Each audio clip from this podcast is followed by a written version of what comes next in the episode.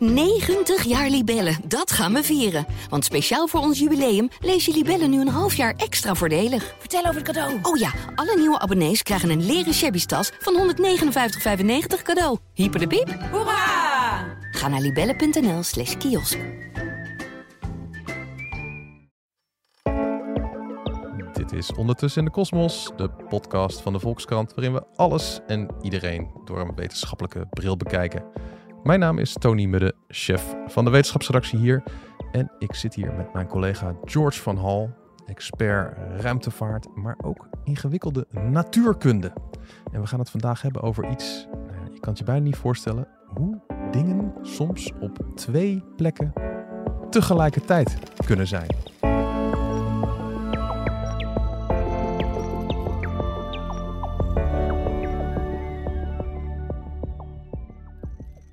George, de wereld die ik ken, hè?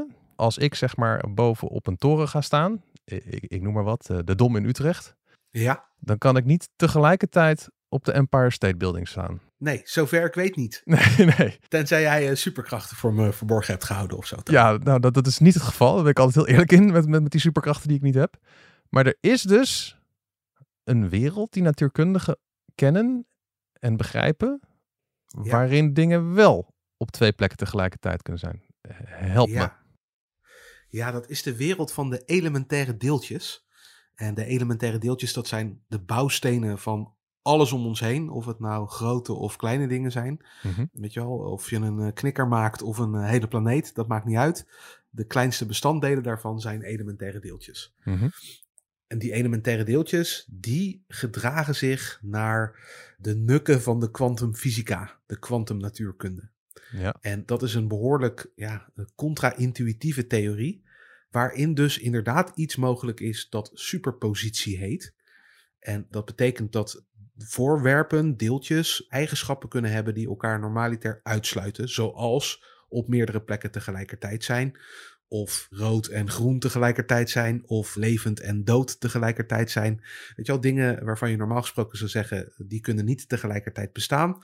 Je moet kiezen Mhm. of je op plek A of plek B bent, of dat je leeft of dat je dood bent.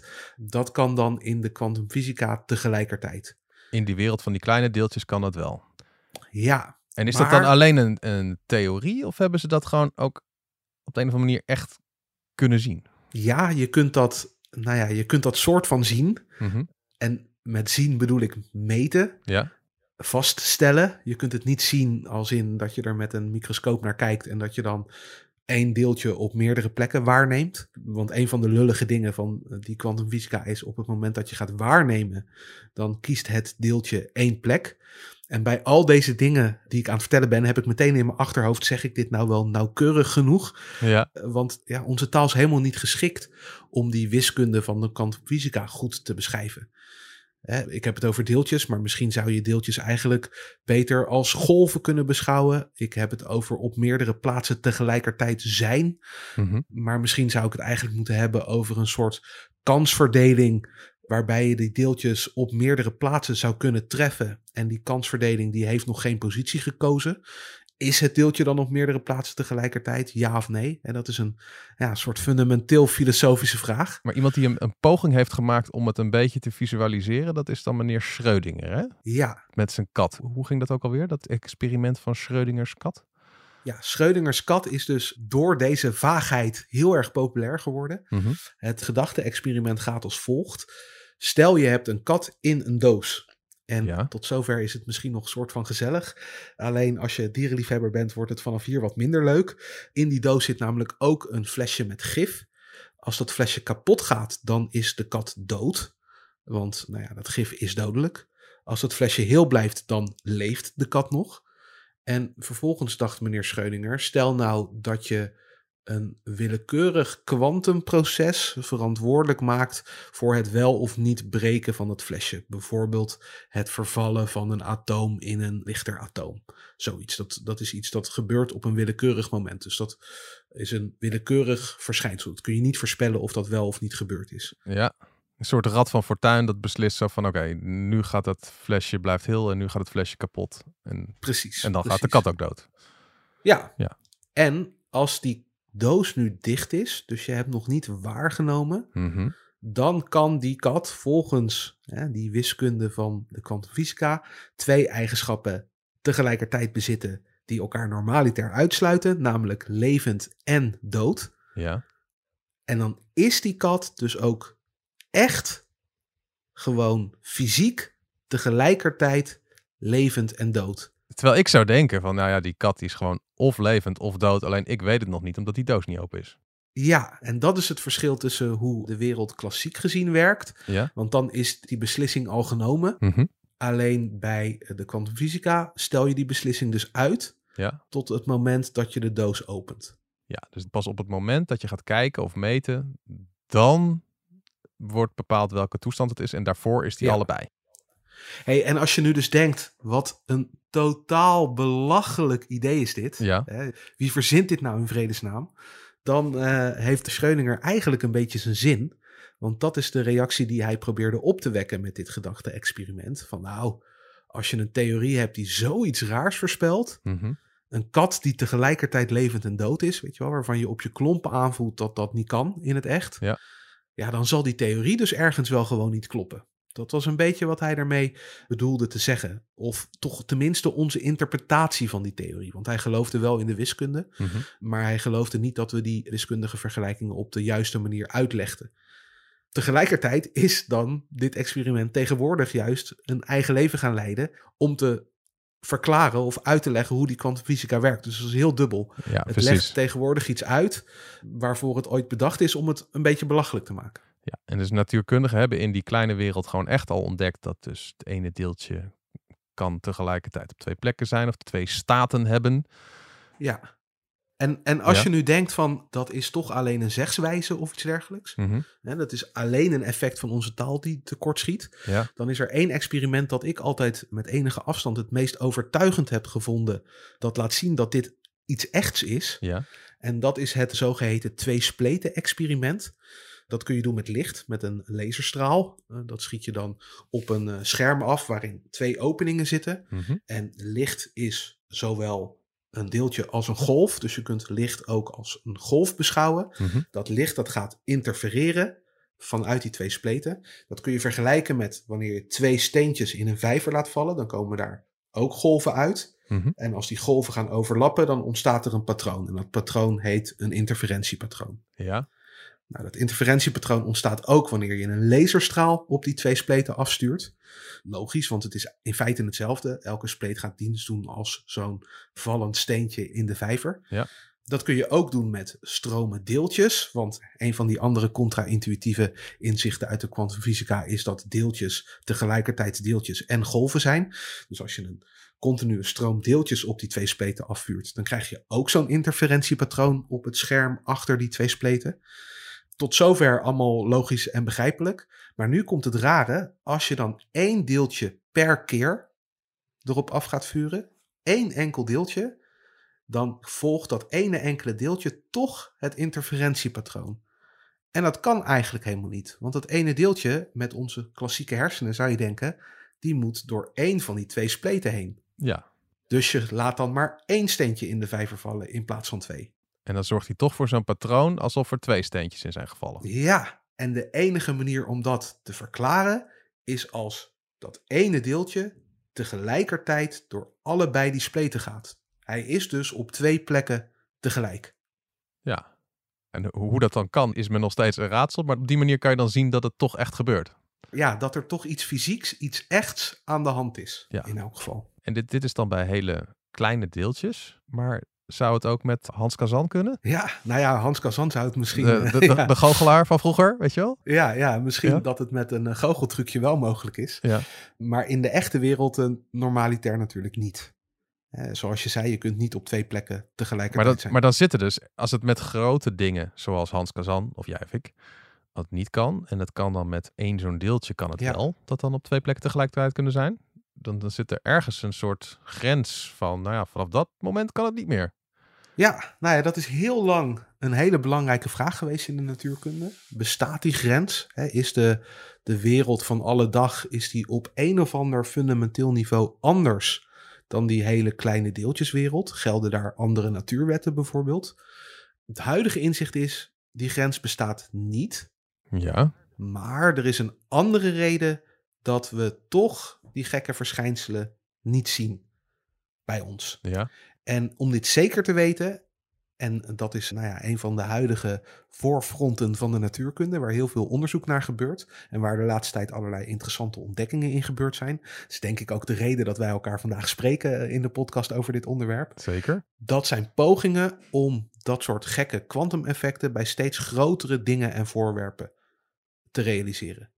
En dat begint langzaam maar zeker te lukken. Dus het meest recente experiment dat ik best indrukwekkend vond, dat is een eh, soort klein kristalletje. Mhm. En dat kristalletje dat trilt tegelijkertijd twee kanten op. Dus die heeft twee trillingen. Dus alsof je een, zeg maar, een schommel met een kind erop hebt en die gaat tegelijkertijd naar voren en naar achter. Ja, ja. Oké, ja, Ja. fascinerend. Ja, maar dat, dat kristalletje kan dat dus. Dat kristalletje kan dat dus. En het kristalletje is dat zeg maar zo groot als een zoutkristalletje dat ik met mijn blote ogen kan zien? Of? Ja, het zijn enkele miljarden atomen. Mhm. Eh, misschien zelfs nog meer. Ik heb het getal hier even niet bij de hand. Maar echt wel gewoon een indrukwekkende hoeveelheid. Ja. Onder een microscoop kun je het kristalletje zien. Zo groot is het. Dus dat begint ja, langzaam maar zeker onze echte wereld te raken. Ja. Het is toch een beetje alsof je die kat van Schreuninger dan in het echt begint te doen. ja, want als het bij een kristalletje kan, want je dan denk ik van nou, wat is, wat is nou een leuk klein diertje? Kakkerlak is al best groot, mug is al iets kleiner. Bij welk diertje komen we zeg maar in, in de buurt? Nou ja, de, deze onderzoekers die hiermee bezig zijn, die dromen zelf inderdaad van de volgende stap. De eerste stap die ze voor zich zien is een virus. Mhm. Nou ja, virus kun je dan vervolgens de vraag stellen: is dat dan wel of niet leven? De stap daarboven, en meteen ook waarschijnlijk de max, is het zogeheten beerdiertje. Beerdiertje, wat is dat? Ja, dat klinkt als iets heel groots, Ja. weet je wel, omdat er het woord beer in zit. Maar het is gewoon heel klein. Ja, het is best wel een spectaculair, alienachtig ogend wezentje als je hem op microscoopfoto's ziet. Oh, is, wat? eh, ik, ik, een, daar heb ik eh, ook wel eens een keer iets over gelezen. Het is toch zo'n zo'n diertje dat, nou ja, al doe je hem in de vriezer een maand lang, dan blijft hij overleven. En dan doe je hem in een oven en, en drie uur lang, dan blijft hij leven. Aan de buitenkant van het ISS in de ruimte heeft hij eh, bijvoorbeeld ook overleefd. Dus deze beestjes die kunnen tegen een stootje. Die zijn heel taai, ja. Ja, ja, en dat is nodig. Nou ja, daar komen eigenlijk de twee vragen die je misschien zou kunnen hebben, komen daar een beetje samen. Namelijk, waarom zien we die effecten dan niet in onze gewone wereld? Mhm. En waarom kun je niet groter dan een beerdiertje op twee plekken tegelijkertijd brengen of in een ander soort superpositie? Mhm. Eh, dat komt omdat in de wereld van alle dag raken wij, ja, en daar komt het volgende gekke kwantumwoord, raken wij verstrengeld met alles om ons heen. Twee kwantumdeeltjes, twee kwantumvoorwerpen kunnen met elkaar verstrengeld raken en dan ja, beginnen ze een soort van hun eigenschappen te delen. Dat is de basis voor allerlei leuke kwantumcomputer en kwantuminternetachtige toepassingen. Want als je dan iets met het ene deeltje doet, dan ja, heeft dat invloed op het andere deeltje. Mhm. Ook al is de ene hier en de andere op de maan, bij wijze van spreken. Maar je raakt daardoor dus gevangen in de normale wereld om ons heen. Daar zitten zoveel dingen. Je hand, als je die beweegt, dan raak je allerlei luchtmoleculen. Er vallen lichtdeeltjes van de zon vallen op je ogen en op je huid. Nou ja, noem maar op. Echt op miljarden, miljarden manieren heb je interactie met de wereld om je heen. Mhm. En bij al die interacties raak je verstrengeld met die buitenwereld. Ja. En elke verstrengeling verankert je soort van verder. Je raakt dus stukje bij beetje gevangen in een soort spinnenweb van kwantuminteracties, waardoor het niet meer mogelijk is om op meerdere plekken tegelijkertijd te zijn of op die gekke manier twee richtingen uit te trillen. Dat kan niet meer omdat je gevangen zit in dat netwerk van verstrengeling, is de huidige theorie. Terwijl een, een, een deeltje heeft dat veel minder. Ja, een deeltje kun je isoleren van zijn omgeving. Dan moet je hem in een vacuüm zetten, enorm koelen, zodat er geen warmtetrillingen komen. Je begint al aan te voelen waarom dit voor levende wezens moeilijk wordt. Weet je wel, als je ons in een vacuüm stopt, kunnen we niet meer ademhalen. Ja, Als je ons tot bijna het nulpunt afkoelt, worden, ja, worden we dan ook niet gelukkig en van. Nee. dan zijn we dood, weet Ja. je wel. Dus ja, daar moet je wel een heel gek soort leven voor hebben dat die extreme omstandigheden aan kan. En het beerdiertje kan dat, naar verwachting. Dus dat is de reden dat het daar wel kan. Is dit nou fundamentele natuurkunde? Puur, dat, dat snap ik helemaal. Dat je gewoon nieuwsgierig bent. Zo van, hey, waarom kan op die schaal van de kleine wereld... kunnen dit soort rare effecten wel plaatsvinden en het grote niet? En hoe ver kunnen we dat oprekken? Of zijn er dan ook zitten te denken van... nou ja, als we dit kunnen, dan kunnen we iets fantastisch doen op het gebied van noem maar wat, duurzame energie, rekenkracht? Ja, nou ja, ja, dat is altijd de vraag. Kijk, er zijn wel ideeën over hoor. Dit soort onderzoek eh, wordt wel gekoppeld aan het werk voor de quantumcomputer. Mhm. Die rekenbeesten die gebruik maken van die gekke kwantumeffecten om nieuwe manieren van berekeningen doen eh, voor elkaar te krijgen, zodat je voor sommige toepassingen veel sneller kunt rekenen dan met een reguliere computer. Dat is een soort toekomstige belofte. Die quantumcomputers kunnen in de eh, meest optimistische scenario's misschien inderdaad eh, radicale nieuwe energietechnologieën uitvinden of nieuwe vormen van medicijnen. Nou ja, noem het allemaal maar op, weet je wel. De belofte van die quantumcomputer is op papier in elk geval heel groot, maar ja, dat ding is er nog niet of alleen in heel rudimentaire vorm. Dus het duurt nog even voordat we er zijn. De meeste mensen die met dit onderzoek bezig zijn, die zijn gewoon nieuwsgierig hoe de wereld op die allerkleinste schaal werkt, hoe de, de wetten van de werkelijkheid nou precies in elkaar steken. En een van de meest interessante dingen vind ik aan dat fundamentele onderzoek is dat het ons mogelijk ook iets kan leren over hoe zwaartekracht nou precies werkt. Want zwaartekracht nou ja, is een van de slechtst begrepen krachten uit de huidige natuurkunde. In elk geval in termen van de kwantumwetten. Wonderlijk toch? Ehm, Terwijl we er toch al best ja. wel lang mee te maken hebben. We voelen hem elke dag. Ja, ja, maar op kwantumniveau, op deeltjesniveau, kun je hem eigenlijk gewoon momenteel nog niet beschrijven. Er is geen wet die kwantum zwaartekracht beschrijft. Dat is een van de grootste problemen van de huidige natuurkunde. Mhm. En misschien dat als je snapt hoe die interacties werken, ja, dat je daar de vinger achter kan krijgen. Want zo'n kwantumdeeltje of zo'n beerdiertje ja, heeft niet heel veel massa, maar oefent wel iets van zwaartekracht uit. Ja. Ga je dan bijvoorbeeld zien dat als je zo'n beerdiertje op meerdere plekken tegelijkertijd hebt, dat ook zijn zwaartekrachtsvelden op meerdere plekken tegelijkertijd zitten? Dus dat hij tegelijkertijd van twee kanten aan een ander voorwerp trekt, bij wijze van spreken. Ja, geen idee. Een natuurkundige weten het ook niet, weet je wel. Een van de onderzoekers die ik sprak voor het verhaal dat we hierover hebben in de krant, die zei van ja, dat is echt terra incognita. We hebben gewoon geen wiskunde om dit te beschrijven. We hebben geen idee hoe dit precies zou werken. Ja. Maar dat kun je misschien wel gaan meten in het lab. En ja, wie weet lossen ze dan zo en passant een van de grootste huidige problemen uit de natuurkunde op. want die quantumcomputer, nou ja, je hebt dan een gewone computer hè, met een schakelaartje, dat is dan of 1 of 0. En als je er dan heel veel achter elkaar zet, dan kan je allemaal ingewikkelde berekeningen doen. En daar zit dat ook al een beetje dat eigenaardige in zo van, ja, maar dan heb je de schakelaar van een quantumcomputer, die is dan niet 0 of 1, maar die kan ook van alles ertussenin zijn. En daar schuilt de kracht in van dat rekenen. Dus daar zit ook al Ja. dat wazige van, het is niet het een, het is niet het ander. Dat is exact dezelfde natuurwet, zeg maar. Opnieuw superpositie. Levend en dood, 0 en 1 op meerdere plekken tegelijkertijd. Het is allemaal superpositie. Volgens mij zijn we er wel. ja, het is allemaal superpositie. Vind ik een mooi slot van, eh, van deze podcast. Mensen, met die, met die wijze woorden sluiten wij af. Daarmee kunt u nu eh, naar uw eh, vriend, vriendin of opa of oma. En dan loopt u erop af en zegt u, ik heb het door. Ik heb de podcast geluisterd. Het is allemaal superpositie. En dan kijken we wat de reactie is. Ja, misschien is het tijd voor een eh, ondertussen in de kosmos t-shirtlijn. Waarbij we Dit soort uitspraken. dit soort uitspraken op t-shirts zetten. Het is allemaal superpositie. Ja, wat, Ja. Wat, wat, kunnen, wat kunnen we dan nog meer doen? Heisenberg wist het beter. Of eh, Precies. en zo kunnen we, we kunnen, daar gaan we over nadenken. De, de, de t-shirtlijn. Eh, mocht u geïnteresseerd zijn in zo'n t-shirtlijn, laat het weten op. we moeten eigenlijk nog T-shirts at ondertussen in de kosmos. eh. Ja, die moeten we alleen nog even openen. Dus nog heel even geduld.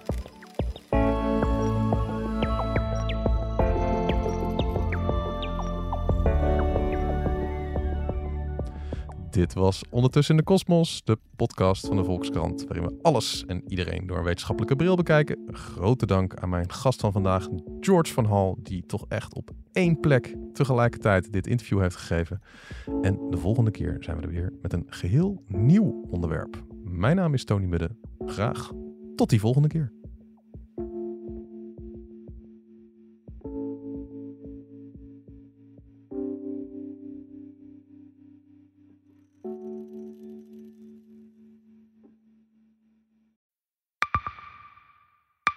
Zijn leven is overhoop gegooid. Plus dat heel veel mensen hem niet geloven. Vrienden niet, die, die denken, ja, hij is gewoon gek geworden. Hoe naar moet dat zijn? Als je vertelt over de meest indringende ervaringen uit jouw leven en niemand gelooft dat je het echt hebt meegemaakt. Ja, ik vind zelf niet dat ik het verzonnen heb, maar sommige mensen denken dat wel. Maar hoe kom je erachter of jij het doelwit bent van een geheime dienst? Ik heb ook wel eens meegemaakt dat je het idee hebt dat inlichtingdiensten in je geïnteresseerd zijn. En dan kun je wel heel veel zien, wat er misschien helemaal niet is. Als ik s'avonds nog iets ging eten, dan volgden die mensen mee naar het restaurant. En dan terug van het restaurant naar het hotel. Als zij op een gegeven moment zei, kijk maar uit, want anders word je dadelijk nog ontvoerd ook. Shit, ik moet hier weg. Dat is, is niet goed. Nu word ik gevolgd. Een soort Truman Show is het gewoon. Hè? Alsof dat hele straatbeeld voor jou is ingericht. Maar dan wel met bedoeling ja, jou niet door te laten. Dit kan geen toeval zijn. Een nieuwe podcast van de Volkskrant. Mijn naam is Simone Eleveld en samen met Huid Modderkolk ontrafel ik een bizarre operatie van de geheime dienst. Wat het doel ook is, jij verliest het. Ik werd opgepakt, heel lang ondervraagd. Maar hoe krijg je grip in een wereld die zo onderzichtig is? Als je zou liegen, dan zou je niet de meest relevante informatie twee jaar later tussen neus en lippen doorvertellen. Er zal nooit iemand zeggen, oké Bart, ik geloof je. Nooit, nooit. Dit kan geen toeval zijn. Vanaf 3 oktober bij de Volkskrant. Ik weet niet of ik je ook alles kan vertellen. Het is echt te bizar. Wat? Ehm, ja. 90 jaar Libellen, dat gaan we vieren. Want speciaal voor ons jubileum lees je Libellen nu een half jaar extra voordelig. Vertel over het cadeau. Oh ja, alle nieuwe abonnees krijgen een leren shabby tas van 159,95 cadeau. Hyper de piep. Hoera! Ga naar libellen.nl slash kiosk.